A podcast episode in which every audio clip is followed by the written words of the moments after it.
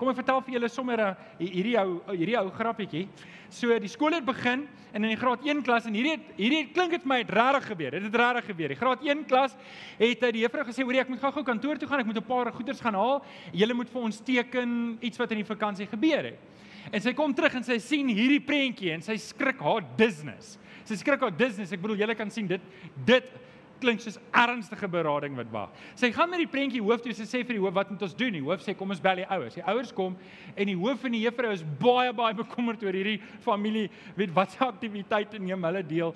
En um en uh, die die die ma dink, "Maar wat hoekom het sy so prentjie geteken en en die, en sy vra, "Maar wat wat was die opdrag geweest?" Nee, teken iets wat jy in die vakansie gedoen het.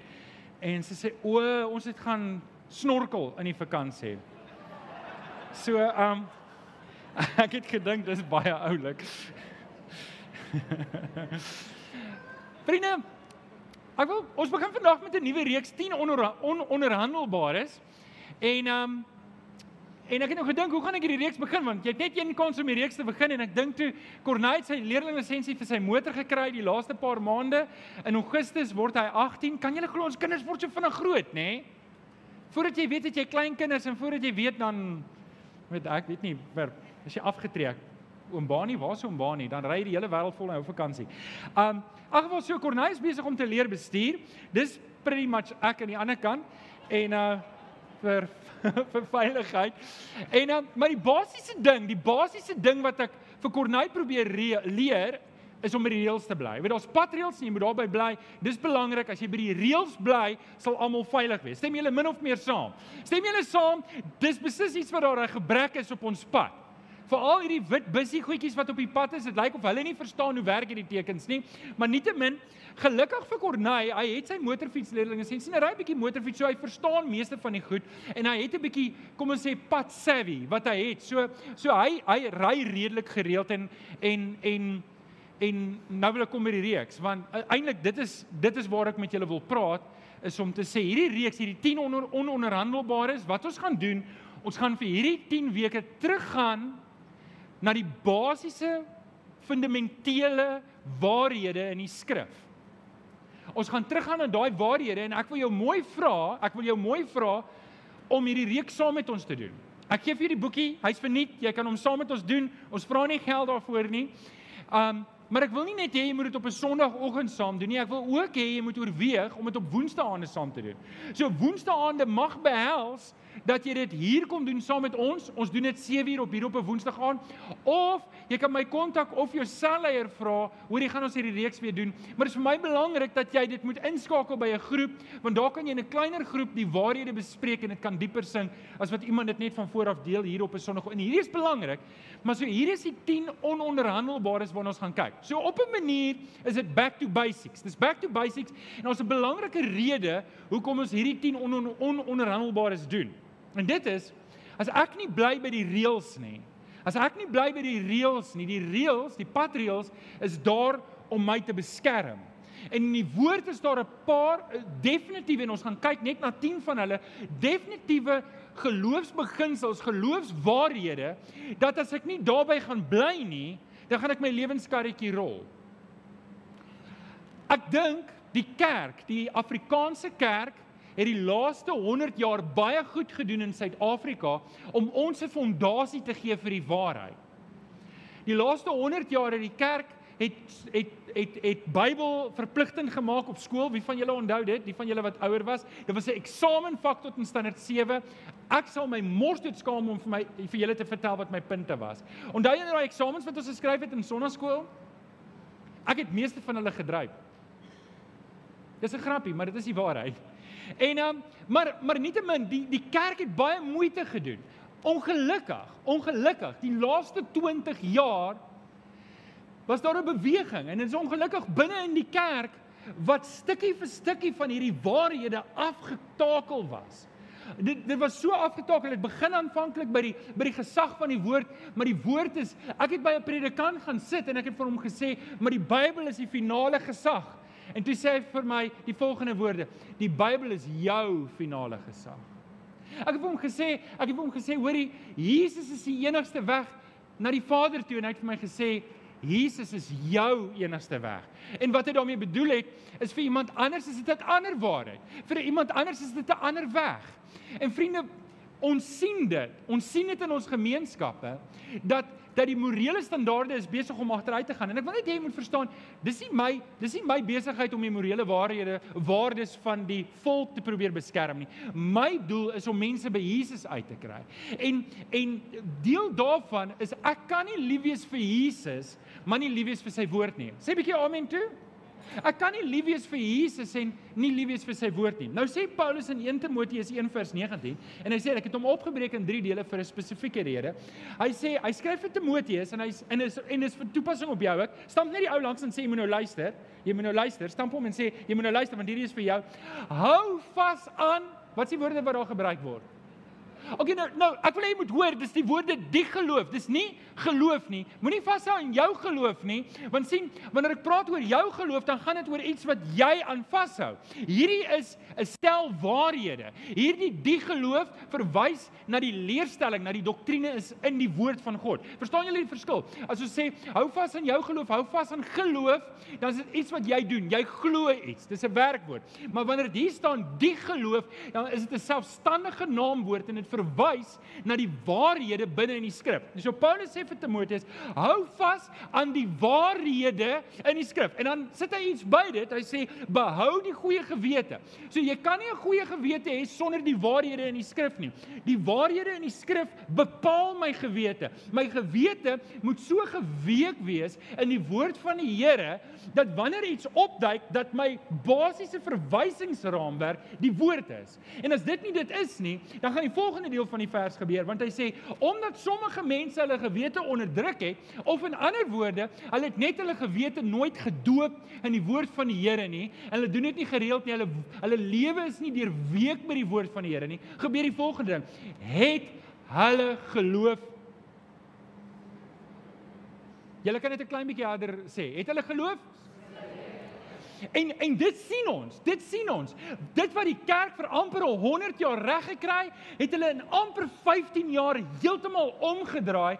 En wanneer jy met die gemiddelde Afrikaner praat, dan kom jy agter is hierdie postmodernisme wat sê, weet jy wat, ons weet nie wat ons glo nie. Maak dit saak wat ons glo. Ag, weet jy wat, jy kan glo wat jy wil, ek gaan glo wat ek wil. En julle dis nie die tipe geloof wat jou by die Here Jesus uitkry nie. Dis nie die tipe geloof wat jou red nie. En en, en hier's hoekom dit belangrik is, hoekom ons dan by hierdie 10 ononderhandelbares moet staan. Nou gaan ek gaan hierdie vers in twee vertalings lees net om die punt te maak. Hosea 4 vers 6 sê in die ou in die nuwe vertaling, my volk gaan onder omdat hulle nie aan my toegewy is nie. Hulle gaan onder omdat hulle nie aan my toegewy is nie. Nou dit gaan oor toewyding. Dis iets wat ek op die tafel sit, nê? Ek wy myself toe aan iets. Maar die ou vertaling stel dit vir my beter en hy sê die volgende: My volk gaan ten gronde weens die gebrek aan En en dis 'n beter vers bloot omdat dit is eintlik die rede hoekom 'n volk ten gronde gaan. Want hulle ken nie die woord nie. Jy kan nie by die woord van die Here bly as jy dit nie in die eerste plek ken nie. Sê my julle saam. As ek nie weet wat die patriels is nie, bedoel wie van julle wie van julle is jonger as 15? Ek wil net sien is hier nog enige jonger as 15 jariges? Um ag wil jy wil jy nie net vir ons opstaan dat ons net Wil jy is meer 45? Wil ek sal 'n tip by jou kom kry later. Um as ek nie weet wat die pad reëls is nie, gaan ek nie weet wat om te gehoorsaam nie. Dit maak tog sin. En net so in my lewe, as ek nie weet wat die woord van die Here leer nie, dan gaan ek nie daarby bly nie, want ek gaan nie weet wat dit is nie. En dis hoekom hierdie 10 onder, ononderhandelbares ek moet dit regkry nê. Ons gaan dit nog 'n hele 10 weke sê. On onderhandelbares belangrik is. So ek wil net weer die punt maak. Ek kan nie sê ek's lief vir Jesus Ek is nie lief vir sy woord nie. Sê dit saam met my toe. 1 2 3. Ek kan nie sê ek's lief vir Jesus, maar ek is lief vir sy woord nie. Stem julle saam met daai stelling? Dis belangrik. Dis een van die fondasies van ons kerk. Ons staan op die woord van die Here. OK, nou met dit in gedagte, staan saam met my op, dan bely ons lekker hard saam. Staan saam met my op en hou jou Bybel lekker hoog in die lig en dan sê ons hierdie hardsaam bo die gedruis van die ligreëling uit. Sê dit saam met my. Dit is my Bybel. Ek is wat dit sê ek is. Ek het wat dit sê ek het. Ek kan doen wat dit sê ek kan doen. Met my mond bely ek. Met my hart glo ek. dat Jesus die Here is. Amen. Amen. Jy kan jou Bybel vanoggend oopmaak by Romeine 11 en ons gaan net 'n paar verse saam lees. Romeine 11 vanaf vers 33 tot 36. Ek het al oor hierdie verse gepraat, maar ek dink ons kan weer hieroor praat. Romeine 11 vanaf vers 33 tot 36. Nou hierdie is 'n goeie geleentheid net om vir die mense aanlyn hallo te sê want ek dink almal is nou ingeskakel. So vir julle wat aanlyn ingeskakel het, baie welkom. Dis altyd lekker om in jou huis te wees. Onthou om die sensuskaartjie vir ons in te vul. Woensdag aand het ons hierdie stilte tyd aanlyn, so jy's welkom om daar in te skakel. Gee tog vir hulle lekker aan 'n klap toe. Baie welkom aanlyn. Is lekker om julle hier te hê. Nou eers deur al my afkondigings hardloop. OK, kom ons lees hom saam. In julle Bybels. O diepte van die rykdom en wysheid en kennis van God, hoe ondeurgrondelik is sy oordeele, hoe onnaspeurlik sy weë. Wie ken die bedoeling van die Here? Wie gee hom raad? Wie bewys hom 'n guns sodat hy verplig is om iets terug te doen? Uit hom en deur hom en tot hom is alle dinge. Aan hom behoort die heerlikheid tot in ewigheid. Amen. Sê amen op die woord van die Here. Amen. OK, ons praat vandag oor die eerste ononderhandelbare. En die eerste ononderhandelbare waarna ons gaan kyk is is die drie eenheid. En ek gaan probeer om dit so eenvoudig as moontlik te verduidelik want ek dink daar's baie misverstande rondom die drie eenheid. En dit is belangrik dat ek en jy die drie eenheid moet verstaan want as ons dit nie glo nie, as ons dit nie verstaan nie, dan maak dit baie goed oop in ons in ons lewe. As ek nie glo dat die drie eenheid waar is nie, gaan ek een van 'n paar goed doen. Ek gaan of glo dat die Heilige Gees nie werklik God is en Jesus Christus nie werklik God is nie, wat per implikasie bedoel dat Jesus dan nie God was wat aan die kruis gesterf het nie, wat beteken 'n gewone mens het vir ons ons aan die kruis gesterf en dan beteken dit ons verlossing is ingedrang of ons gaan 'n ander probleem hê wat ek nou-nou gaan wys. So, ek gaan probeer om dit eenvoudig te verduidelik. Nou, nou moet jy diep asemhaal. Alraai, sodat daar suurstof in jou longe kan wees. Dit gaan effens 'n warm suurstof wees, maar dit sal die ding doen. Is jy reg vir dit? OK, kom ons kyk. Ek gaan die vraag antwoord, maar ek gaan die vraag heel aan die einde antwoord. Hoe is God 3 maar ook 1? So Ongelukkig moet jy nou wakker bly tot op die heel einde. Jy kan nou nie maak soos wat ons baie keer maak ons raak in die slaap in die kerk. Jy gaan julle dop. As jy sien die ou aan jou langs jou koppie begin knik, stamp hom en sê vir hom vat 'n sluk water. Okay. So, hierdie vraag wil ek heel aan die einde antwoord. Hoe is God 3 maar ook 1? Vir nou wil ek hê ons moet kyk na drie fundamentele waarhede oor wie God is. En hier is belangrik want um ek dink is Johannes 17 vers 3 wat sê die ewige lewe is om God die Vader te ken en sy seun Jesus Christus wat hy gestuur het.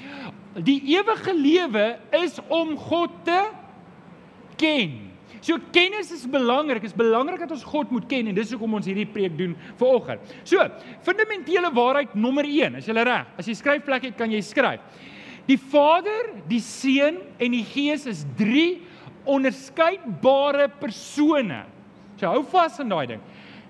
Die Vader en die Seun en die Gees is drie onderskeidbare persone. Ons lees by Jesus se doop die volgende, Matteus 3 vers 16 tot 18. Jesus is toe gedoop. So Jesus gaan na Johannes toe. Johannes sê: "Nee Here, ek kan U nie doop nie. U moet my doop." Jesus sê: "Dis wat die Vader wil hê." En ons lees hierdie gebeurtenis speel af. Jesus is toe gedoop en dadelik daarna uit die water gekom. Nou lees ons. Met eens het die hemel bokant hom oopgegaan en hy die gees van God soos 'n duif sien neerdal op hom kom. Daar was ook 'n stem uit die hemel wat sê: "Dit is my geliefde seun, oor hom verheug ek my." So, is die Vader en die Seun dieselfde persoon? Wel as dit was, dan sou dit 'n bietjie vreemd wees dat Jesus van homself sê, "Dis my geliefde seun en hom het ek welbehaag." Hoor julle? So met ander woorde, hier's iemand anders wat praat. Hier's 'n stem uit die hemel wat kom sê, "Dit Die een in die water, daai man van 30 wat hier in die water is wat Johannes nou gedoop het, hy is my geliefde. Sien julle dit impliseer klaar twee persone en die Heilige Gees daal uit. So hier het ons 'n beeld, hier het ons 'n 'n Bybelse prentjie van die drie eenheid wat saamwerk en wat drie verskillende persone demonstreer. Die Vader in die hemel, die Heilige Gees wat afkom en Jesus in die water. Nou, hoekom is dit belangrik dat ons dit moet verstaan? Baie mense verduidelik die drie eenheid 'n bietjie anders. En ek gaan dit nou vir julle verkeerd verduidelik. So, net vir die rekord, wat ek nou sê is verkeerd. Is jy reg? Sê net saam dis verkeerd. OK, want ek wil hê moet dit verkeer, ek's nou bang. Ek is die liefdevolle man van Tanya Delport. soos jy kan sien was ek baie aantrekliker op 'n stadium gewees. Maar my vrou pas my gelukkig op. So wat is ek? Ek is die man van my vrou. Ek is 'n man, stem julle saam? OK, maar ook is ek die liefdevolle pa van twee kinders. So ek is ook 'n ek is ook 'n pa, stem julle saam? So ek is 'n pa. Maar dan is ek ook 'n predikant. Wat baie gereeld hier voor staan en met julle praat. So kan julle hoor, ek is 3 in 1. Het julle dit gehoor? Ek is 3 in 1. Op hierdie oomblik is ek predikant. Vanaand is ek pa en man en ek is 3 in 1. Nou okay, hoekom is dit verkeerd? Hoekom hoekom is dit nie hoe God is nie? Wel, ek het nou vir julle 3 rolle gegee, nie 3 persone nie. Stem julle saam, al 3 rolle is nog steeds een persoon. En en dis belangrik om dit te verstaan want dis dieselfde persoon en en om te sê God verskyn as die Gees, God verskyn as die Vader, God verskyn as die Seun, maar dit is nog steeds een persoon is verkeerd en hier is die rede hoekom. Want dit sou beteken dat die Vader aan die kruis gesterf het as hulle net een persoon was. Maak dit sin? En dan sou dit vreemd gewees het dat Jesus uitroep, "My God, my God, waarom het U verlaat?" Van van wie praat hy dan nou as hy as dit al die persone in een is? So, dis belangrik om te verstaan want ons leer in die Bybel die Heilige Gees het Jesus uit die dood uit opgewek. Kan julle sien hier's drie afsonderlike persone wat inspel. Nou. So, ek wil net hierdie punt afrond voordat ons aangaan na die volgende punt toe. Hier's wat ons huis toe vat van hierdie punt. Die Vader en die Seun en die Gees is drie onderskeidbare persone. Fundamentele waarheid nommer 2. Elke persoon in die drie eenheid is ten volle God. Elke drie eenheid in die in in die drie eenheid is ten volle God. In Psalm 89 vers 27 lees lees ons: U is my Vader, my God, die rots wat my redding is. So ons lees dat Dawid praat van God as Vader En dan lees ons verder ook dat in Matteus praat Jesus ook ons Vader wat in die hemel is, laat U naam geheilig word. So Jesus leer ons om van God te praat as ons Vader. So met ander woorde, daar word nie na God verwys as deel God nie. Hy is ten volle God. En ons gaan dit nou sien by die ander persone ook. En dan wil ek net vir julle 'n bonus waarheid gee wat julle dalk moet kennis neem van in Genesis 1 vers 3. Toe het Jesus gesê, ag toe die Vader, toe het God gesê, laat daar lig wees. Kyk. So is julle by dat God die Vader is ten volle God. Hy's nie 'n derde God nie, hy's ten volle God. Kom ons kyk na Jesus. In Johannes 1 vers 1 lees ons: "In die begin was die woord daar en die woord was by God en die woord was self God." Nou. Okay. So ons lees in die begin was die woord by God gewees. Ons lees die woord was by God en hy was self God. Nou wie was die woord? Wie kan raai? Ons lees in vers 14. Die woord het mens geword en onder ons kom woon. Ons het sy heerlikheid gesien, die heerlikheid wat as die enigste seun van die Vader het, vol genade en waarheid. So wie is die woord? Die woord is Jesus. OK, kom ons gaan aan na die Heilige Gees. So die Heilige Gees is ook God. In Johannes 4:24 lees ons: God is Gees en die wat hom aanbid, moet hom deur die Gees en in waarheid aanbid. So God is ook Gees. So ons het nou 3 hierso. God is Gees, God is Vader en God is Seun. In Genesis 1 vers 2 lees ons die Gees van God het oor die waters gesweef. So wat lees ons van die Gees? Hy was ook in die begin daar. OK, kom ons som net gou op. Hierdie is 'n belangrike ding wat ons hier moet vasmaak. So ons het nou geleer. God is 3 persone. Maar al drie persone in die God drie eenheid is ook ten volle God. Is julle by? Maar daar's 'n bonus ene en dit is Al drie van hulle was in die begin daar. Nie een van hulle was 'n nagedagte nie. Jesus het nie later bygekom en was apart nie. Hy was van die begin af daar. Nou oké. Okay. Nou gaan ek by die vraag kom waarmee ons begin het. God is een. Hoe is God 3 maar ook een? Hoe is God 3 maar hy's ook een? In Deuteronomium 6 vers 4 lees ons: Luister Israel, die Here is ons God, die Here alleen. Nou, daai's 'n vreemde bewoording want dit klink so half en half. Jy weet nie eintlik wat die vers probeer sê nie. Probeer dit sê daar daar is geen ander god buite God nie of sê dit God is een God. Maar jy kan dit albei kante toe interpreteer. Jesus het dieselfde gesê: "Luister Israel, die Here ons God is die enigste Here." Maak nie saak hoe om jy dit sien nie, dit sê daar's net een God. So ons het nou gesê daar's drie verskillende persoonlikhede. Ons gesê hulle het drie verskillende te rolle ook, take wat hulle vervul. En maar nou sê ons hulle is een en wat bedoel ons daarmee? En miskien, miskien moet ek hierdie vraag probeer antwoord en vir julle dit so verduidelik. As ons een dimensie werk, onthou julle die lynfigure wat ons gehad het. Nou een dimensie is net een lyn. Jy kry jy kry nog een vlak onder dit en dan is dit net 'n punt. Maar hou net vas, julle gaan nou dit sien. Wie van julle tegniese tekening op skool gehad? Niemand nie. OK, dit gaan moeiliker gaan as wat ek gedink het. So, in jou een dimensie het jy net een lyn. Wat sien jy daarso? Jy sien 'n Jy sien 'n vierkant. OK? Maar wat as ek vir jou sê, jy sien 'n figuur, maar jy sien hom net van een kant af?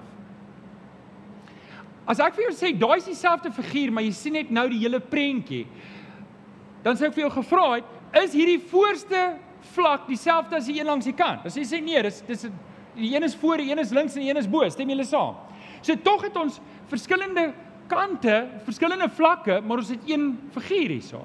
So vir ons as mense is dit moeilik om te verstaan want ons dink in 3 dimensies. Ons sien goed in 3 dimensies. Maar kan ek 'n nuwe dimensie aan jou voorstel? 'n Dimensie wat ek en jy nie verstaan nie en dis die G-dimensie. Dis die God-dimensie. Dis die dimensie waarin God werk. Die die, die drie dimensies waarin ons lewe is 'n wetenskaplike dimensie, 'n dimensie waar daar cause en effek is, die dimensie waar waar ons moet goed kan wetenskaplik verklaar en verstaan. Maar God pas nie binne in daai blokkie nie.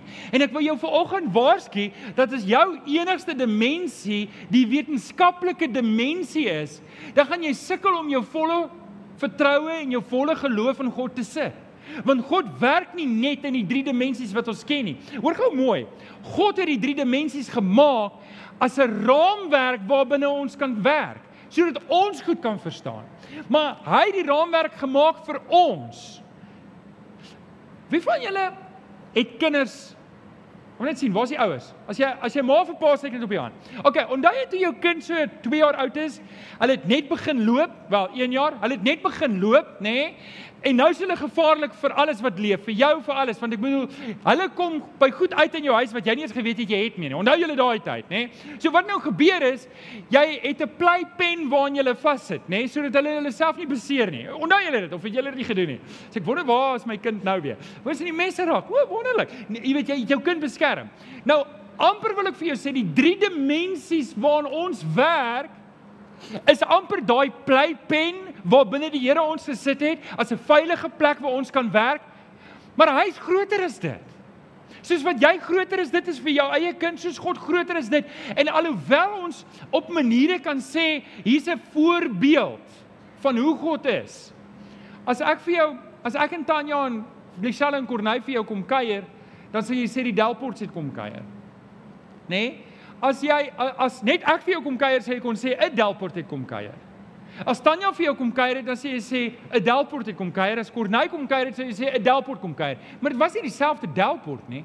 So op 'n manier is ons 3, maar op 'n manier is ons 1. En alhoewel ons dit nie lekker kan verklaar met ons drie dimensies wat ons het binne in ons speelveld nie, is my en jou troos dat God is groter as dit wat ek en jy kan verstaan. En dis waarmee ek jou vandag wil huis toe stuur. Hierdie woorde, God is groter as jou verstaan.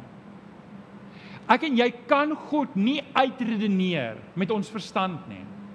Die wetenskap probeer, dis hoekom hulle kom met allerlei teorieë om allerlei dinge te sê van hoe goed ontstaan het en hoe goed gebeur het en hoe goed moet werk. Maar onthou, hulle is 'n mens net soos ek en jy. Hulle weet nie alles nie. En dis hoekom hulle teorieë maak. Jy weet wat 'n teorie is? 'n Teorie is in beginsel iets wat nog nie bewys is nie. Het julle dit geweet? En en en dis hoekom ek en jy moet verstaan daar's 'n gee-dimensie waar binne God is waarin ek en jy kan rus, wat ek en jy in geloof aan kan vasgryp al verstaan ons dit nie. En dis oukei. Okay. sien ek en jy's geleer in ons westerse samelewing ek moet iets kan verstaan voor ek dit kan gebruik. Maar wie van julle kan vir my verduidelik hoe werk 'n internal combustion engine? Wie van julle kan dit verduidelik? OK. die meganiese ouens onder ons. En res van ons wie sê ek kan dit nie verduidelik nie. En tog ry jy met jou kar. Jy klim in jou kar, jy vertrou, jy vertrou die kar. En net so hoef ek en jy nie alles rondom God te verstaan om vir hom te kan leef nie. In Job 36 vers 26 staan daar God is groot. Ek en jy kan nie sy grootheid begryp nie. Lees die vers saam met my hart op. Toe 1 2 3. God is groot. Ons kan sy grootheid nie begryp nie. OK. hoe moet ek reageer? En ken of julle kan so lank vorentoe kom. Hoe moet ek reageer? Hoe moet ek reageer? Wel, eerstens is hierdie is 'n tyd vir verwondering en aanbidding. Hoor jy dien 'n groot God. Jy dien 'n groot God van liefde wat vir jou omgee. Jy dien 'n groot God wat toe jy nog verlore was, toe ek nog verlore was in ons sonde en onsself nie kon help nie, het hy besluit. Hy het dit vooraf gesien en hy gesê, ek gaan my seun stuur om in jou plek te sterf. Want ek is lief vir jou. Dis die tipe God wat ons dien. Ons kan net in verwondering staan en hom aanbid. Ons kan ontsag hê vir sy heiligheid. En dis 'n belangrike ding. Ek dink dis iets wat ten minste in ons samelewing en dis hoekom ons so maklik kompromieë aangaan met sonde, maar ons moet ons sag hê vir sy heiligheid om te sê, Here, U is God en U is heilig. En ek weet U roep my om meer soos U seun te word. Natuurlik moet dit saamgaan met lewensaanpassing. Ons moet ons lewens aanpas by wat die Here sê. En laastens is om vas te hou in ons geloof. Ouens, ek wil jou mooi kom vra. Hierdie wêreld is baie vinnig besig om te sekulariseer. Dit het in Engeland gebeur, is besig om in Amerika te gebeur en is besig om hier te gebeur. En kans is goed, jy het vriende wat vir jare geglo het in Jesus en vasgehou hou het in die Here Jesus. En nou is dit nou glo nog in die Here. Maar jy weet die Bybel is 'n debatteerbare punt. Wanneer jy sê maar ek glo in Jesus, die Bybel sê dit, dan sal hulle sê ja, maar jy het net 'n interpretasie van die woord. En weet julle, dis 'n manier om ons om twyfel te saam te sê, ja, maar jy het net 'n interpretasie van die woord. Weet jy wat vir my interessant, deur al die eeue het al die Christene reg deur die eeue min of meer dieselfde interpretasie van die woord gehad? Kan ek jou sê hoekom? Kan ek jou sê hoekom vir die laaste 2000 jaar het Christene min of meer dieselfde interpretasie van die woord gehad? Hier's die rede. Want wanneer jy Jesus aanneem, sit God se Heilige Gees in jou en is die Heilige Gees wat jou help om die woord te interpreteer. Dis hoekom daar 'n kompas is in ons hart wat vir ons help om die woord te verstaan. Dis wat die Heilige Gees, dis wat Jesus gesê het vir sy disippels, die Heilige Gees sal jou leer. Ek en jy hoef nie te twyfel daarin nie. Maar die wêreld saai twyfel en dis ons vyand. Hy saai twyfel om te sê, "Ja, maar dis jou interpretasie." En so probeer hy ons geloof afbreek. En so is daar in die Afrikaanse kerk in Suid-Afrika die laaste 15 jaar die geloof so afgetakel dat ek kan dink aan Jesus se woorde wat sê hy kyk na die massas en hulle skape soos 'n herder, hulle dwaal rond omdat die leiers nie die woord verder suiwer verkondig nie. En vriende, daar's 'n onus op my en jou om terug te vas te staan, hakke in te skop en te sê ek gaan nie onderhandel met die woord van die Here nie. En dis hoekom ek wil hê jy moet hierdie reeks saam met my doen om te sê hier's 10 onder ononderhandelbares waarop ek my hakke gaan inskop. Maak nie saak wat die wêreld sê nie, maak nie saak wat ander kerke sê nie, maak nie saak wat die woord van die Here sê in die finale gesag. Wie sê amen daarop? Dink julle dis wat ons behoort te verkondig hier? Stem julle saam dat ons nie behoort te onderhandel nie? Amen. Nou okay, ons gaan nagmaal bedien en ek wil hê jy moet jouself regkry. Ek weet nie waar's Chris nie. As Chris my net vinnig hier voor kan kom help. Um net so oomblik. Ons ons gaan nagmaal bedien en ek ek wil ek wil net 'n paar verse lees. En um die verse is in 1 Korintiërs 11 vers 23 tot 24. Christus ons net die tafel 'n bietjie vorentoe kan skuif. En ehm um, as jy wil kan jy jou Bybel daar oopmaak.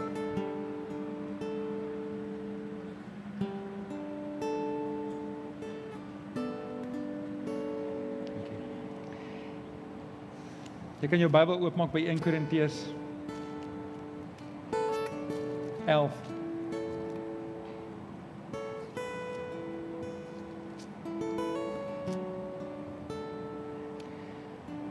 In vers 23 lees ons Paulus praat hy sê ek het van die Here ontvang wat ek ook aan julle oorgelewer het.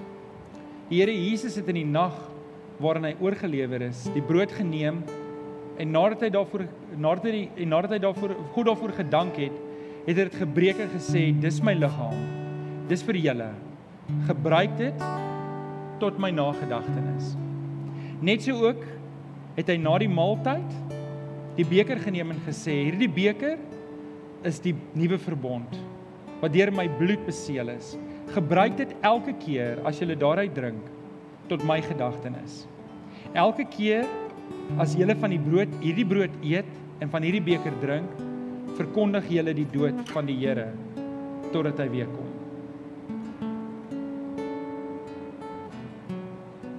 my so groot voorreg om om hierdie kwartaal saam met julle af te skop, hierdie jaar te begin deur om saam die nagmaal te gebruik. Jy kan jou nagmaalpakkie so lank oopmaak.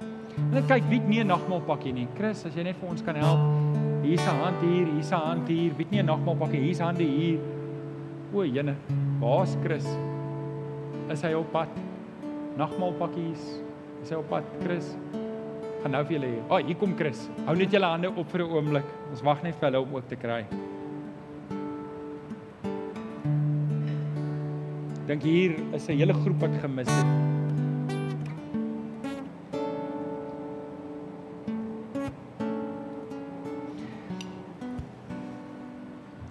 Kom ek sê vir julle hoekom is die nagmaal so spesiaal en is en is jammer ons kan nie die nagmaal hou soos in die Bybelse tyd nie. Het julle geweet in die Bybelse tyd het hulle by die tempel bymekaar gekom en dan sal Petrus 'n lang boodskap gepreek het en dan sal hulle na huise toe gegaan het en dan sou hulle nagmaal daar gehad het en hulle sou dit 'n gemeenskaplike maal genoem het en dit sou 'n bietjie anders gelyk het as hier. Hulle sou letterlik kos gemaak het. Hulle sou letterlik kos gemaak het. En dan soos hulle eet, het hulle hulle herinner aan wat die Here Jesus gedoen het. So brood was maar 'n stapel voedsel en hulle sou die brood gebreek het en en hulle het hulle wyn gedrink. Nou julle sal onthou, ons het nog vir Gerdus hier in die middel. Sorry, dankie Gerdus. vir 'n oomblik mis ek jou. Ons het nog vir ons het 'n twee hande hier, 'n hand hier en 'n hand hier. En ehm um, julle sal onthou en nog hande hier ook. Julle moet julle hande ophou. Chris se oë is baie goed. Hy's nog jong oë. So hierso en Gerdus is daarso. En um, en dan sou hulle dan sou hulle die evangelie herdenk het. En dis wat ek wil hê jy moet nou weet is dat hierdie evangeliemaal is um is is 'n herdenkingsmaal van dit wat Jesus kom doen het aan die kruis. Het almal nou 'n pakkie. Jy kan jou pakkie oopmaak. Ons gaan nou die nagmaal saam gebruik. Ek wil net die nagmaal vir julle verduidelik hoekom ons dit gebruik en want dit is belangrik om te verstaan as jy daai broodjie eet en jy drink die sap om te verstaan waar dit gaan. Dis die belangrike ding. Jesus het gesê julle moet dit gebruik tot my nagedagtenis. En dis wat ons nou doen, ons herinner onsself. Jesus se liggaam was gebreek. Jesus se liggaam was gebreek. Hy het die lyfstraf op hom gevat wat ek en jy moes vat. Die sonde wat ek en jy gedoen het, verdien lyfstraf. En ons lees in die Ou Testament vir sekere sondes was daar lyfstraf. En Jesus het daai lyfstraf op hom gevat vir ons sondes. Maar nie net dit nie. Aan die kruis toe hy gesterf het, het hulle hom in die sy gesteek en daar bloed en water uitgekom. En dit het gewys dat hy regtig gesterf het. Jesus het regtig gesterf. Dit was nie 'n skyndood nie. Jesus was so dood dat hy homself nie kon Hy kon nie 'n wonderwerk doen om homself op te wek nie. Die Heilige Gees moes hom uit die dood uit opwek. En daai bloed sê Jesus is die bloed van die nuwe verbond. Want sien, die ou verbond het behels dat ons onder die besnydenis, onder die wet offers moes bring en ons moes diere geslag het om bloed te giet. Die probleem met daai offers is elke week moes jy oorkom. Ons moes elke week weer 'n slagoffer. Jy moes elke week moes jy jou besie gebring het. Kan jy dink wat 'n morsige storie wees? En dan moes ons hom slag en ons moes hom op die altaar sit en hom brand. En dan moes ons vir die Here jammer sê en volgende week dieselfde ding. Maar wat Jesus sê, hier is die bloed van die nuwe verbond. En ons 'n paar goed wat verander in die nuwe verbond. En die een is Die finale offer het gekom aan die kruis. Dit was die Here Jesus. Hy het gesterf op die kruis. Sy bloed het gevloei sodat ons nie meer hoef offers te bring nie, maar ons 'n tweede ding wat gebeur het. En dit is nie net het hy ons sondes vergewe nie, maar Johannes 1 vers 1 tot 9 sê hy kom reinig ons van ongeregtigheid. Hy kom haal die begeerte uit ons uit om sonde te wil doen. Hy sit 'n nuwe gees in ons, die Heilige Gees wat ons dryf om te sê ek wil nie meer sonde doen nie, want ek is lief vir die Here. Wie van julle sê ek is lief vir die Here? Is jy lief vir die Here? Wie van julle sê ek wil nie sonde doen nie. Ek wil nie sonde doen nie. Natuurlik ons struikel en val, maar dis nie meer 'n wil ding nie. Dis nie my vlees. Ek geniet dit so nie. Ek verafskiet dit nou want ek wil God dien. En dis wat die nagmaal is. Die nagmaal kom herinner ons van daai prys wat Jesus kom betaal het. So ek wil nou vir jou bid en saam met jou bid. Nou wil ek jy ons met die nagmaal saam gebruik. Kom ons bid saam. Vader, Dankie dat ons hierdie herinneringsmaal saam kan gebruik. Dankie vir die broodjie wat ons kan eet en die sap wat ons kan drink en Here, dankie vir vir vir die genade wat ons sien in die kruis dat die Here Jesus se liggaam uitmekaar uit geskeur is vir ons en sy bloed gevloei het op die kruis. Here, dat daar nie meer offers hoef gebring te word nie. Jesus was die laaste offer en en Here, ons sit hier en ons bely, ons bely dat daai genade is vir ons genoeg. En Vader, U weet wie sit hierso wat Jesus Christus nie aangeneem het nie. En ek wil vra Here dat U die werk in daardie persoon se hart sal doen om te sê vandag is die dag. Ek bekeer my van my sonde. Ek gryp die Here Jesus aan want God se genade is ook vir my. Ons dankie. Ons bid dit in Jesus naam. En die kinders van die Here sê Amen. Kom ons gebruik die nagmaal saam. And out of the wilderness